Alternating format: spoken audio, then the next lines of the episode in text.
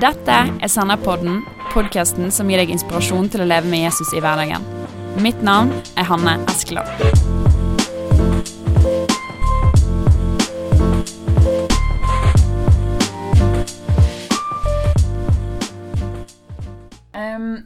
Hvis vi eh, går litt mer inn på den praktiske siden av dette her, da. Nå har vi snakket om på en måte hva det er, det å profetere, og hvorfor vi skal gjøre det, og Bibelen og det store bildet, og det er flott. Men eh, hvordan blir det da i praksis? Og jeg tenker, Da kan vi gjerne skille mellom det som handler om når, når en menighet er sammen, og på en måte, eller du er i en forsamling, og noen, noen bringer et ord fra Gud til en forsamling, og så har du den personlige biten, gjerne sånn som dere deler om nå, når noen kommer til deg og sier 'Jeg har et ord til deg'. Mm. Så lurer jeg på, når man er i en forsamling, da eh, Fins det noen retningslinjer for hvordan det skal gjøres, ifølge Bibelen? Bibelen har jo mye eh, fint å si om det der. I hvert fall nok. Ja. Eh, altså, han, han, sier jo at eh, alle kan profetere. Ja. Paulus sier det. Ja, Paulus sier ja. første gang det ble 14. Mm. Det var det seg sjøl er jo en ganske sterkt eh, statement. Ja, absolutt og så sier han at uh, En om gangen. En om gangen. Så det skal være orden. Ja. Gud er ikke kaos og rot. Nei. Så når vi med en gang snakker om profetisk ord, så er det ikke sånn at det flyr veggimellom, og det, det, er orden. Mm. En om gangen, ja. ja. Og så uh, hvis en uh, har noe på hjertet, så må han vente på tur. ja. og så skal de andre prøve det. Ja, det vil si at, det? Ja, det vil si at men, men, han sier jo før han kommer så langt, så sier han at i høyden to eller tre. Ja.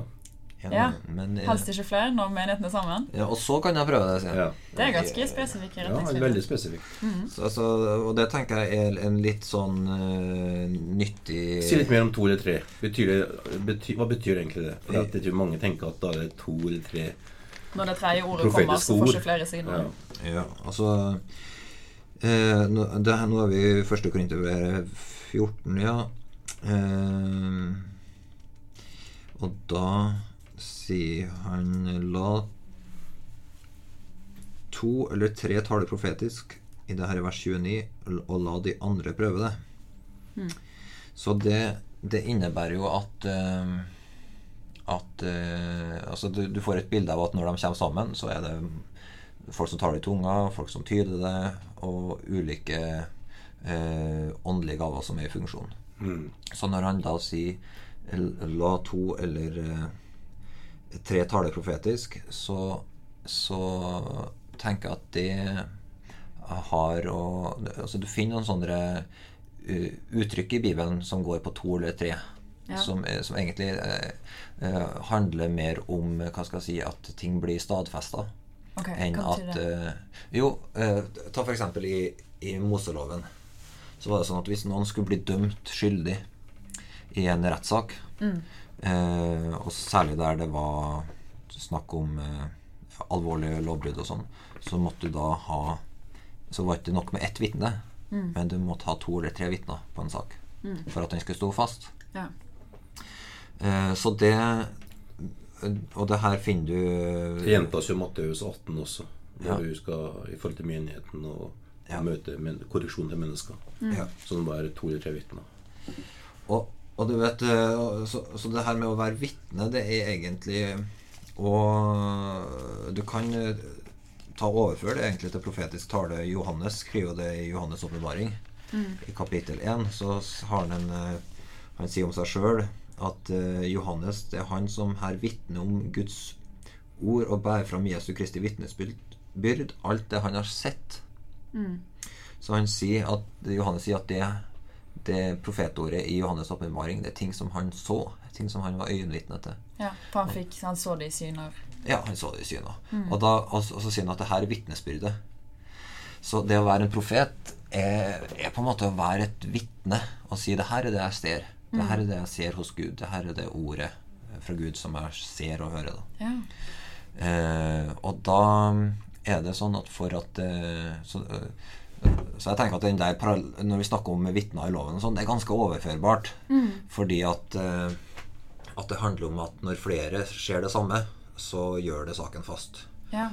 Og så handler det om at når to eller tre har snakka om det samme, f.eks. Eh, at uh, det kommer et profetord, og så kommer det to eller tre andre ord som går i den samme retningen. Ja. eh, det, det, er ord som handler om det samme området som Gud ønsker å tale inn i til menigheten, mm. Så er det naturlig å ta en oppsummering og si Ok, hva er det Gud har talt oss om? Ja. La oss prøve det her. Mm. Eh, og, og den, noe av den prøvinga da handler tenker jeg da om to eller tre vitner. At, at ordet har større tyngde når det er mer enn én som har ja. ja. det handler ikke om at du Håvard kommer med et ord, og meg og Terje hører det. Derfor så er det Nei. Det er ikke sånne type vitner. Det handler om hva vi har sett, da, på en måte Ja. ja mm. I det profetiske, hvis det går an å si. Ja. ja. Det ser man jo ofte at det kan komme et uh, profetisk ord, uh, og så kommer det kanskje én, to, tre andre og sier egentlig noe det samme. Litt mm. annen farge, litt annen valør, men det budskapet er egentlig det samme. Mm. Uh, og så måtte jeg ett budskap, da. Ja. Selv om det kommer gjennom flere ulike mennesker. Ja. Mm. Og Hvis noen nå sliter med å se dette for seg fordi dere ikke er vant til det, så for eksempel, også kan jo det være i en gudstjeneste. Mm. Eh, at i løpet av lovsangen så for eksempel, Du har en møteleder, i løpet av lovsangen så kan folk komme fram til møtelederen og si jeg opplever at jeg har et profetisk ord til menigheten, kan jeg få lov til å dele det? Ja. Kanskje noen eh, kommer med en, en bibeltekst. Ja. Noen sier jeg har blitt minnet på den salmen her når jeg var uh, hos Gud i morges og ba. Mm. Og så kommer noen med et profetisk ord som går i den retningen, og noen sier Nei, jeg, våkna med en sang i hjertet mitt. Jeg har lyst til å synge den. Jeg Det kommer fra den samme kilden, og så, og så stadfester de hverandre. Og så, og så, gjennom alt det som skjer, da, så er det ulike vitner som på en måte legger til det samme bildet. Ja. Så det er ikke nødvendigvis bare sånn at noen sier 'Jeg har et ord fra Gud', og så sier vi 'Ok, da går vi blindt på det'. Men ting skal prøves, da, som Bibelen sier. Ja. ja. Mm. Men hvis vi går på den mer sånn personlige biten, da um, Det trenger ikke egentlig nødvendigvis å være en motsetning. Men når jeg da opplever at jeg får et ord som handler om mitt liv og til meg, mm. hva er viktig å tenke på da? Hvordan skal man forholde seg til det? Ja, Hvis du får et profetisk ord, så mm. er jo det ett vitne, for å si det sånn enkelt. Ja. Eh, og da må du jo du ha noe mer å bygge på enn bare det ordet. Ja. Eh, og der sier jo Paulus noe spennende til Timoteus i første kapittel i, i brevet til Timoteus. Mm. Der sier jo han at du skal, du skal jobbe eller eh, arbeide og be i henhold til det profetiske ordet som han hadde fått. Ja, som ja. han hadde fått da han la hendene på han. Og i tråd med din tro, og, ja. de, og, og med god samvittighet. Uh, og det tror jeg er et veldig enkelt og godt ord for alle. Mm. Du må kjenne en tro, en, en sånn, sånn, ja, når du folk sier det i hjertet ditt. Mm. Og så må du kjenne at det her er du samvittighet for å gjøre. Hvis det, hvis det la oss si, valg du skal ta. Uh, jeg husker jeg kom inn til meg for mange år siden som uh, sa at uh, jeg tror du skal selge bilen din. Ja. Og, og, slutte å kjøre den bilen der. Mm. jeg hadde en sånn karavell. jeg har lyst til å selge den, for den var, var ikke noe særlig var mye reparasjoner på han. men han ville liksom si at det var Gud som ba han om å, om å slutte å bruke å ha bil. da ja. Og så tenkte jeg nei, jeg har ikke samvittighet til det. Jeg har ikke tro for det. Jeg har tre barn. Jeg kan ikke være billøs i, der jeg bor uten ja. kommunikasjon. Ja, for da, kjente ikke, da så, ga ikke det samsvar nei, med noe nei. hos deg at du liksom tenkte Ja, å, det Ikke sant? var riktig? Ja. ja. Da sa jeg nei. Eh, det, eh, jeg skjønner at du sier det, men eh, det tar ikke imot. Mm. Jeg, jeg, tenker at når vi kjenner, kjenner Gud Eh, så er det en del premisser som ligger til grunn, som vi, hopper, som vi aldri hopper bukk over. Mm. Som vi var inne på i sted, at, at uh, profetordet eh, på en måte må veies i lys av Bibelen. Bibelen er grunnlaget vårt. Ja, ja. Uh, det, du kan ikke Vi tar ikke imot et profetord som leder meg på tross av uh, bibelsk sannhet. For ja. eksempel, da, Nå tar jeg bare et søkt eksempel. Hvis, hvis det kommer et profetord som sier til deg Hei, du Gud sier at du må skille deg fra mannen din og gifte deg med en annen. Mm. Det var et søkt eksempel. Ja. Men la meg si ja.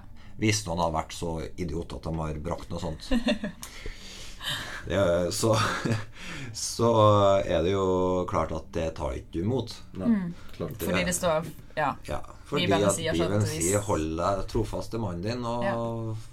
og sånn. Ja. ja. Eh, og, eller fordi du vet 'Nei, jeg elsker mannen min'. Ja. Gitt, Gud har gitt den til meg.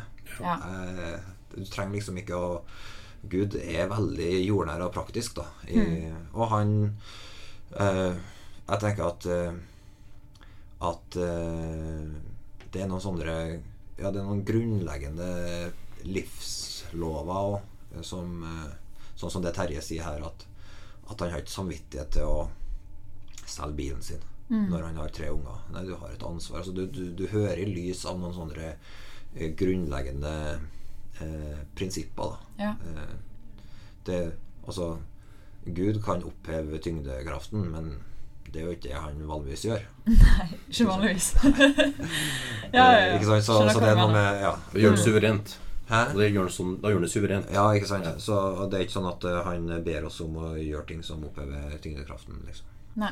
Det er ikke måten han Det er ikke Guds hoved Guds hovedplan er at mennesker skal fungere i henhold til tyngdeloven, liksom. Ja.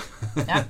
så, men, men, altså, jeg bruker, det er et banalt eksempel, da. Ja. Men jeg tror jeg møter av og til en del kristne som hva skal jeg si, med en gang det kommer et profetord, så kaster de liksom både fornuften og planene sine og mm. alt på sjøen. Og akkurat som om eh, men, eh, men, jeg tenker nei eh, det, det, Hvis du kjenner Gud, så vet du at han, han er en trofast Gud. Han, han jobber langsiktig, han mm. har planer, han har sesonger, han mm. osv ja. som uh, gjør at uh, at det å snakke med folk rundt seg, det å ha, stå ved sin egen tro og samvittighet, det å vite at Bibelen er fundamentet jeg bygger livet mitt på uh, de, Noen sånne grunnleggende ting ja. det, det kan være unødvendig å si det, men det kan være nødvendig å si det. Og har ja. jeg opplevd i noen sammenhenger. Ja.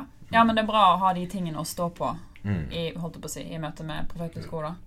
Og så, og så tror jeg òg det du sier, Terje, eh, om at Eller jeg for min egen del har jo opplevd at eh, de noen For jeg har jo opplevd å få profetiske ord eh, som ikke har vært sånn her veldig sånn superspesifikke at dette skal skje akkurat da, sånn og sånn og sånn, mm, mm. men mer sånn eh, jeg tror at dette ønsker Gud å bruke deg til, eller dette er en gave Gud har gitt deg, som skal på en eller annen måte ha en funksjon en eller annen gang i livet ditt.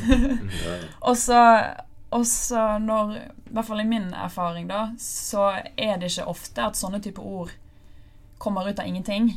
Eksempel at eh, jeg har alltid vært veldig glad i musikk og kommer fra en veldig musikalsk familie. Og så, eh, når jeg er 12 eller 13, så kommer noen bort til meg eh, etter en gudstjeneste og sier Du, jeg opplevde Gud sa til meg at eh, du skal bli med i lovsangen. Eh, og med en gang så var det sånn Ja, det har jeg lyst til! Og det var det mm. jeg trengte for å få frimodighet til å gå til de som ledet lovsangsarbeid, og spørre. Mm. Og da trengte jeg et lite dytt. Eh, og nå har jeg jo vært lovsangsleder i mange år, så det var jo ikke feil.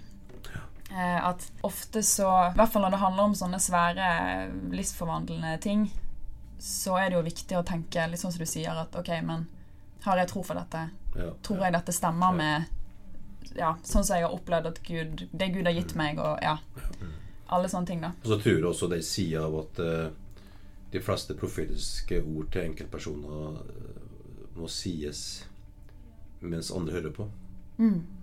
Jeg er veldig skeptisk når folk kommer og sier at de har et ord til det fra Gud, men vi må ta det her borte i hjørnet der ingen hører på oss. Ja. Uh, fordi at jeg tror at det kan uh, da, da, ja, da tenker jeg med en gang Er det her noe som ikke tåler dagens lys? Ja. Det, uh, og for andre så tror jeg at ord som kommer fra Gud, mobiliserer kroppen til Jesus, altså menigheten, ja. andre søsken, til å be ja. det skal skje. Mm. Eh, fordi at det skal stride i forhold til dem. Mm. Så hvorfor skal det være privat og personlig eh, hemmelig? Mm. Eh, jeg tror det er usunt. Og det gir eh, åpning for misbruk og manipulering som vi må være veldig våken for. Ja. Så jeg tenker at de fleste profetiske ordene må komme i en setting der andre lytter, andre ja. hører, og andre kan også være med og, og Som du sier, sånn når du fikk ordet om lovsang, så vil andre si ja, det tror jeg høres lurt ut, for du, du, har musikalitet i det. Du har det i det. Mm. Det stemmer med den veien du har gått fram til 12-13 år. Ja. Og det en, ja, en Og det, da vil folk være med å be og se at det blir en realitet. Ja, det tror jeg er veldig bra. Så den her, den her eh, litt sånn spekulative greia én og én tror jeg fort kan gi rom for ting som ikke er sunt. For ja. profetiske ord er en del av en større, og det er sunt, og det er godt, og det bygger opp. Mm. Ja. Ja, og den siden av at f.eks. For, for min del, da, når, mine nærmeste Når jeg sier at åh, jeg fikk dette ordet om lovsang, og jeg tror jeg skal bli med i lovsangsarbeidet, mm. Så vet de om det, sånn at de ved senere anledninger eh, Hvis jeg da blir motløs, eller du blir litt usikker, eller var det sånn det skulle bli, så kan de si sånn Ja, men husk ja, det ordet du fikk, og vi tror at det er fra Gud, og kan være med å stadfeste det. Ja. Og det er òg en veldig mm. fin ting, da, ved at flere kan ha hørt det og si at vi tror dette stemmer. Ja, kjempebra. Mm. Men eh, hvis du får et profetisk ord da, som du tenker at du skal gi til noen andre, hvordan kan man gå fram da? I motsetning til å motta. Hva ville dere gjort? Jo, altså, jeg tror jo det Terje sier om, eh, om å bringe det eh, såpass offentlig at eh, flere hører det tror jeg er en viktig side. Mm. Og så tror jeg at, eh, at, hvis du opplever at du har et ord fra Gud, så skal du være frimodig med å bringe det. Av og til så, møter, så har jeg hørt undervisning som sier at uh, du trenger ikke å si og det, det, kan for så vidt være greit. Du trenger ikke å si 'så sier Herren', liksom, eller, eller uh, 'Gud har sagt til meg', eller sånn. Men så, og da av og til i kjølvannet av det, så, så hører jeg folk som profeterer veldig med sånn forbehold. Det vil si at de sier ja, det er ikke sikkert at det her er fra Gud, eller, eller du må prøve det her. Men det, det, kanskje er det bare meg. Kanskje er det bare meg, ja. ja. Men, og det, det, tror jeg heller ikke er så sunt, da. Fordi at Bibelen sier at noen skal tale, og de andre skal prøve. Og på en måte, hvis du sier, snakker med forbehold hele tida, eh, og sier 'det her er kanskje bare meg', det her, og så, og så videre, så holder du på å prøve ordet istedenfor å tale det. Ja. Så det med, prøv, det, altså, si, det med at de andre prøver, det er veldig frigjørende. da Fordi at eh, da kan vi tale. Og når vi har talt, så underordner vi oss de andre. Vi krever ikke at de rundt oss skal tenke at det her er et ord fra Gud. Mm. Eh, men vi underordner oss og overlater til de andre da å veie profetordet. Mm. Eh, og så blir vi sjøl ansvarlig for det vi sier. Ja. Og vi har større sjanse til å lære noen ting enn mm. hvis vi hvis, eh, hvis jeg profeterer med alle slags sånne forbehold og sier det her er sikkert kanskje antageligvis bare meg, og du må prøve og sånn. Ja. Uh, og så sier den andre ja, det er antageligvis kanskje litt Gud. Ja. Så har verken den som får ordet, fått et klart ord fra Gud, og jeg har ikke kommet noe videre i å evaluere om jeg sjøl brakte et ord fra Herren eller ja. ikke. Ja. Så, så, jeg tror at når Paulus da sier noen taler, de andre prøver, så, så er det veldig sunt. da. Mm. For det gjør at uh, da er den som taler, han blir ansvarlig for å ikke tale ting som han ikke tror er fra Gud. Ja. Og så blir han òg frigjort, fordi at han vet at det er ikke mitt ansvar å prøve det. Det vil ja. si, jeg kan til syvende og sist ikke vite det er jo nesten det, det, er det Paulus sier, at du kan ikke være helt mm. sikker på at du tar det ordet fra Gud. Det tror jeg er en fin ja. erkjennelse, egentlig. Ja, det ligger en erkjennelse i det at de andre skal prøve det. At, at du Det er ikke sikkert at du treffer. Ja.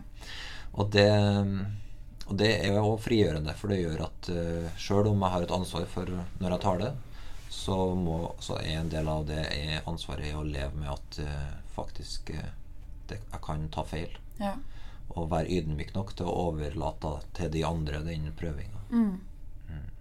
Jeg tror det Håvard sier, er utrolig viktig. Å skjønne å se den kulturen da, som det er snakk om her, som Paulus beskriver, at det, eh, er en eh, kultur der vi er sammen. Mm. Der det er friksjon, og vi ikke er enige i alt, men vi har et ansvar med å bringe til folk der vi kjenner og tror. Ja.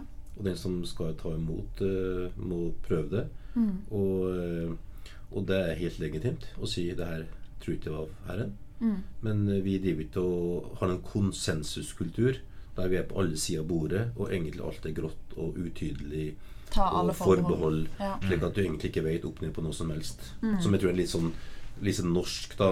Forsiktighet, jantelov og ja. alt i blanda i en ordentlig cocktail. Si som blir sånn uh, tåkeheimen og, og opererer innafor. som jeg tror er usunn for alle. Ja. For jeg, når jeg har brakt et ord, så har jeg gjort mitt. Og da er jeg fri.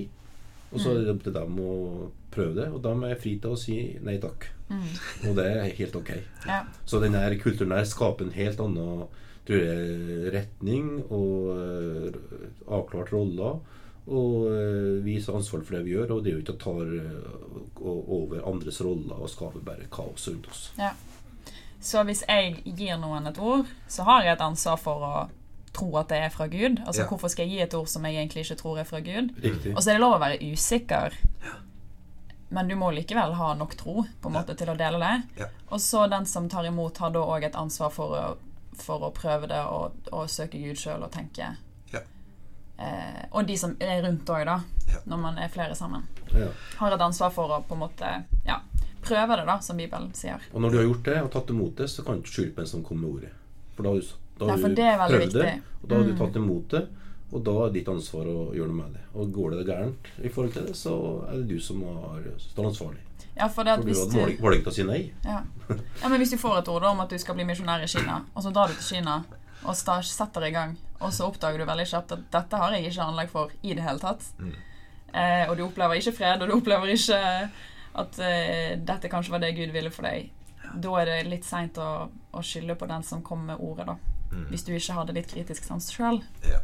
Satte du ballen på spissen. men ikke sant, det her, det her, tror jeg jo det er veldig viktig Også her tror jeg jo sunt lederskap kommer inn her, veldig ja. tydelig. Fordi at uh, når man da snakker om at den som tar det, må være ansvarlig, og den som tar imot, er ansvarlig, så må man jo ta høyde for at du har uh, At det er folk til stede, f.eks. unge folk, mm. som kan oppleve at det er situasjonen med press, at det f.eks. er folk som har en en høy tillit som taleord, som eh, de i utgangspunktet vil ha et ønske om å eh, tillegge altså det her en tillitsperson som har innflytelse osv. Ja. Og der, da tenker jeg at det å undervise de her tingene hjelper folk til å si at eh, nei, men det, det, Uansett hvem det er som bringer et ord, eller uansett hvordan det skjer, så er det min egen tro og samvittighet. og du trenger ikke å være alene med ting. Du kan mm. snakke mm. med folk rundt deg om det. Du kan snakke med mamma og pappa om det. Du kan snakke mm. med gode søsken om det. Og så videre. Eh, som jeg tror er en veldig sånn eh, Altså at den eh, At man er obs på denne situasjonen. Ja. Som eh, eh f.eks. i det i det bibelverset som Terje refererte i sted, om at Paulus sier til Timoteus eh, arbeid i henhold til profetordene som har kommet til deg. Mm. Uh, men så sier han ved, ved, din egen tro og samvittighet. Altså, altså, de her profetordene kom gjennom eldste, står det i verset der. Ja. Mm. altså deg leder i menigheten. Der ja. gikk. Ja kan jo tenke deg Timoteus var under et visst press. ikke sant? Her var det, Først hadde han fått profetord fra de eldste når de la hendene på han. Mm. Og så sier Paulus, da, apostelen som har ansvar for et stort misjonsarbeid, til en du trenger å stride i forhold til dem her. Ja. Så uh, han, var han var i skvisen. ja, men så sier Paulus da det her at det, det, men du må gjøre det med tro og god samvittighet. Mm. Må ikke gå på akkord med samvittigheten din Nei. eller troa di. Så det er tydelig at han er litt bevisst på at her her setter han en fyr litt i skvisen. Mm. Uh, og det tror jeg at ledere trenger å være bevisst på at, de, at i sånne situasjoner der folk kan komme under press, så må du òg huske på å løfte fram ja. uh, betydninga av samvittigheten og troa, og, mm. og balansere ut Du trenger ikke å balansere ut et profetord, men du må balansere ut folk til å kunne ta imot det uten ja. å komme under press. Ja. Det, så det, det, lederskap tror jeg er viktig der. Ja. Dette lederskapet tror jeg trenger vi også å løfte opp i forhold til når ting ikke skjer. Jeg har sjøl opplevd at noen har profetert over som gikk på bibelskolen vår, at de skulle flytte en bestand plass. Mm. Og i løpet av uh, første halvår skulle sånn og sånn og sånn ting skje. Ja. Og det skulle bli en ny gruppe blant studenter på den plassen. Og de mm. skulle være med å lede mange studenter til Gud, og det skulle startes et nytt arbeid. Ja. Og, eh, og, så kom uh, april, og ingenting har skjedd. Mm. Og de har stått på. Og de har vitna, og de har samla folk, og det har vært uh, virkelig jobba hardt. Ja. Men ingenting skjedde. Mm. Og det er sånn profetert. Og da tok vi det ordet opp og så på det. Det var ingen forbehold. Det var ingen uh, der som. Det var Det skal Gud gjøre. Mm. Så da måtte vi gå, uh, ta med meg de to studentene og gå til vedkommende som har profetert. Og så sa vi bare Nulla det ut i mm. alles vitnes nærvær og sa det her ordet her, og ikke fra Gud. Mm. For det har ikke skjedd. Ja. Og da ble vedkommende fri, og vedkommende de to da som var der, de flytta fra den plassen til en annen by og ble en hel menighet og sa det her berga meg. Ja. For jeg følte jeg måtte være her. Ja. For det profetiske ordet var kommet, og Gud skulle gjøre det her, og tida gikk, og mm. jeg ble mer og mer motløs og alene. Mm. Så det har også med lederskap å gjøre, tenker at vi må være ansvarlig. I hvert fall når det er så klare ord som er så uh, ubetinga, på en måte. Mm. Og folk uh, som gode folk, de fleste er, så tar den på alvor og handler på det. Ja. Og da kan vi plassere folk i en situasjon som er vanskelig, hvis ikke vi som uh, ledere er våken og hjelper dem til å handle på en god måte. Ja. Ja. Og det vedkommende som kom ordet, var helt enig, og vi ble enige om at det her legger vi av. Og vedkommende har fortsatt tjent Gud med god samvittighet og tro. Mm. Og profeterer fortsatt. Ja. Men vi må være ansvarlige og etterrettelige. Mm. Eh, så den kulturen der tror jeg hjelper oss til både å være mer tydelig profetisk ord, og samtidig demonstrere at når det ikke funker, ikke det er riktig, så må vi også stå og ta tak i det. Ja. Ja, men jeg har jo opplevd sjøl å f.eks. gå fram til forbønn på et møte, og så kommer det en, en, leder og ber for meg, og så er han både ivrig og, og nidkjær og litt sånn karismatisk, sant, og på en måte begynner å profetere. Og så, og så når jeg står der, så, så, får jo jeg en sånn følelse av at liksom mm, Jeg kjenner litt, en liten sånn her motvilje. Og så, og så, gjør jeg ikke noe med det der og da. Jeg sier bare takk, og så går han videre og ber for noen andre. Og så går jeg og tenker på det i både en uke og to. Eh, og da, har, da, var jeg så glad for at noen hadde fortalt meg at det er lov å tenke at ikke alle profetiske ord nødvendigvis er et profetisk ord til meg. Mm. At, at, det nødvendigvis Det må ikke være riktig. Og i hvert fall ikke for, bare fordi at han var en leder, og jeg hadde hørt han profetere masse før. Fordi at det ordet var jo på ingen måte riktig eh, i mitt liv i det hele tatt. Mm. Eh, og det er veldig deilig å ha den friheten når jeg søker Gud og virkelig ikke opplever fred for det i det hele tatt, og bare kunne si OK, men da, da var det det, liksom. Vet Gud har alltid handla med mennesker som ikke er fullkommen. Ja. Sjøl i ny pakt så er vi skrøpelige. Mm. Sjøl om vi er rettferdige. Og det betyr at eh, Gud har tatt høyde for det i forhold til at ting skal prøves, at vi skal ha lederskap som eh, må være på. Så, så gjør at, eh, at eh, den menneskelige faktoren er en del av det som Gud har beregna i ja. sin måte å lede på. Og den må vi ta med. Ingen av oss er fullkomne foreldre, men vi gjør vårt beste. Og det er nok til at ungene får det bra. Ja. Selv om ikke alt er perfekt. Og sånn, sånn, er hele livet vårt, og sånn er det også i det her. Ja. Og det betyr at, eh, at, det er ikke noe risiko, men vi må være ledere som tør å møte det og ta tak i når det trengs. Ja. Og så ikke dermed bare være så redd for det å, å si at vi tror ikke på profetisk ord, vi tror ikke på ordentlig gaver, for det kan bli misbrukt, og det kan ødelegge. Ja, men eh, det er ikke det Bibelen sier. Bruk det, men eh, prøv det, og vær ledere som sorterer og hjelper folk til å ta fast på det, holde fast på det gode. Ja. ja, det tror jeg er veldig bra. Kan, kan jeg nevne et, et bibelvers som har vært til veldig god hjelp for min del ja. i det med prøving. Kjør på. Eh, det er i første Tessalonikerbrev 5 eh, så står det i vers 19-21 så står det Slukk ikke ånden, forakt ikke profetord, men prøv alt, og hold fast på det gode. Mm.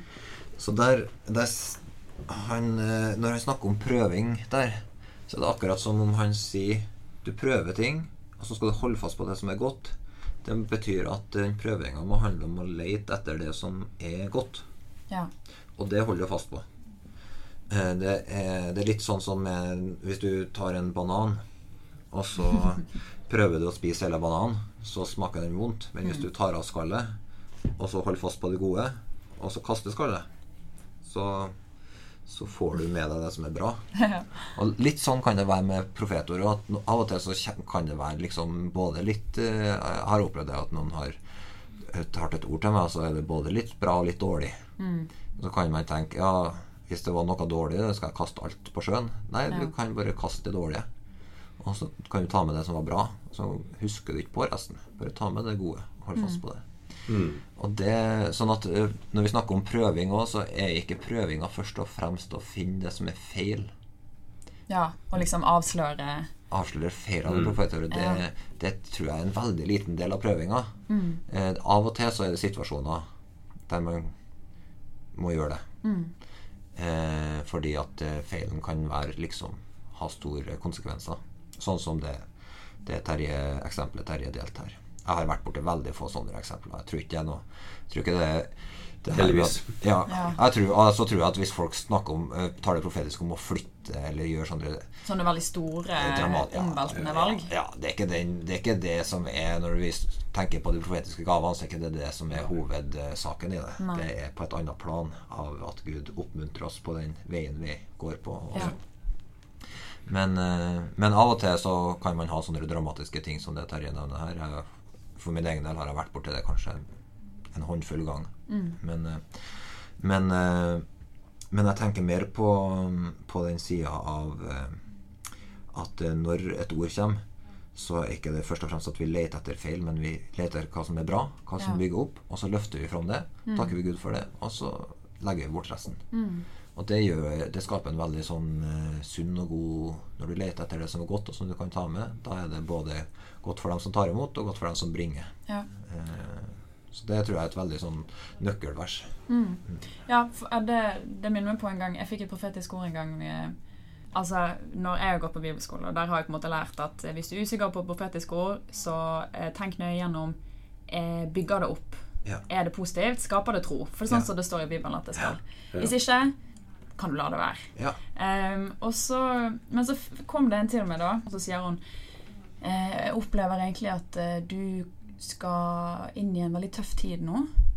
Eh, jeg, jeg, vet ikke helt hva det er. Men jeg, jeg, bare opplever at Dette var på Det var rett før nyttårsaften. Opplever at dette året her kan bli tungt for deg. Men Gud er med deg. Han skal styrke deg. Eh, nå kan, jeg, nå kan jeg tenke liksom Å, fy søren. 2015 skal bli et skikkelig tøft år for meg. Å nei, jeg må begynne å liksom få panikk. Jeg husker jeg tenkte nå har jeg et valg her. Jeg vet ikke hvordan dette året blir, og jeg vet ikke hva som kommer. Samme det. Hun sa jo på en måte at Gud skal være med meg, og at det skal komme noe godt ut av det. Mm. Så hvis det var et profetisk ord som stemmer, eh, så skjer dette her. Men så skal Gud være med. Og jeg hadde et veldig fint år. Ah, så bra. Ja, jeg hadde det. Så enten så var det kanskje ikke riktig. Eller så var jeg rett og slett så innstilt på den her gode biten av det profetiske ordet at jeg bare seilte gjennom ved litt nåde. Men ja. Så det er et veldig godt eksempel på at uh, du tar det inn i en sammenheng ja. der mottakeren må ta det på den måten der. Mm. For da, da, er det risikoen mye liten, og da blir det ikke noe sånn føss rundt det. Nei. Nei, det skapte ikke noe styr, det der. Liksom. Nei, men Det er et kjempegodt eksempel at du refererer til at du hadde lært noen ting da på skolen først. Ja. Om ja. å faktisk ta imot. Ja, Hvis ikke kunne jeg gått rett i panikkmodus. ja, akkurat det. Så det, det, det, hjelper å lære ting fra Bibelen. Ah, ja. Jo, men det er faktisk helt sant. Ja. Når du først sier det, så tenker jeg at det, er hvert viktig å si at profetisk ord er ikke snakk om framtida og være noe sånn spådomskunst som man tenker. Altså det profetisk er ikke å se noe inn i framtida og liksom eh, ja, noe sånn eh, Du ser et eller annet framme her som er skummelt og farlig, eller et eller annet som mange har et bilde av som profetisk ord. Ja. Så det er ikke der Bibelen Dommedagsprofet, holdt jeg på å si. Ja, mm. Så det er, det er, ikke der Bibelen har tyngdekrafta si på når det gjelder profetisk ord. Det er klart det kan skje at Gud sier noe om framtida og konkrete ting, men da ser vi mange eksempler på i Bibelen, men det er ikke der hovedtingene i i å være profetisk folk og tale profetisk og sånn. Ja, det er mer enn det. Ja. Og ofte. Ofte andre ting enn det. Ja, det, det, Gud sender ordet sitt for å gjennomføre sin plan positivt. Ja. Det, det, det er det skapende, oppbyggende, styrkende ordet som gjør at Guds plan går fram for menigheten hans og for enkeltmennesker. Ja. Og som gjør da at når vi leser sånne formaninger om å holde fast på det gode, eller at profetordet er til oppbyggelse, oppmuntring og trøst, så, er, så, merker du at det er den der positive oppbyggelsen som er hovedtråden i alt uh, Gud gjør. Ja. Det viktigste er til å stå støtt uh, i en forståelse av evangeliet. Mm, hva mener du med det? Uh, det mener jeg at uh, en trenger å være disippel av Jesus, tatt imot evangeliet, mm. Eh, blitt eh, fått tro på Jesus, vendt seg fra seg sjøl og lagt av det gamle. Ha Jesus som herre i livet. Ha Jesus som herre i livet, mm. blitt døpt Den hellige ånd. Slik at man, eh, sånn som Apostelgjerninger 2 snakker om, at Den hellige ånd blir utrent, så eh, kan alle ta det profetisk. Og ja. at den sida av å få en erfaring av Den hellige ånds dåp, kraft, om du vil, er en Det er liksom å åpne opp for å høre fra Gud og se ting fra Guds perspektiv. Ja. Og det er en forutsetning. Hvis ikke så blir det mye sånn tanker og meninger og ting som eh, ikke er oppbyggelig. Mm. Men uh, det er en, bra, en bra start. Takk for at du hører på Sennepodden.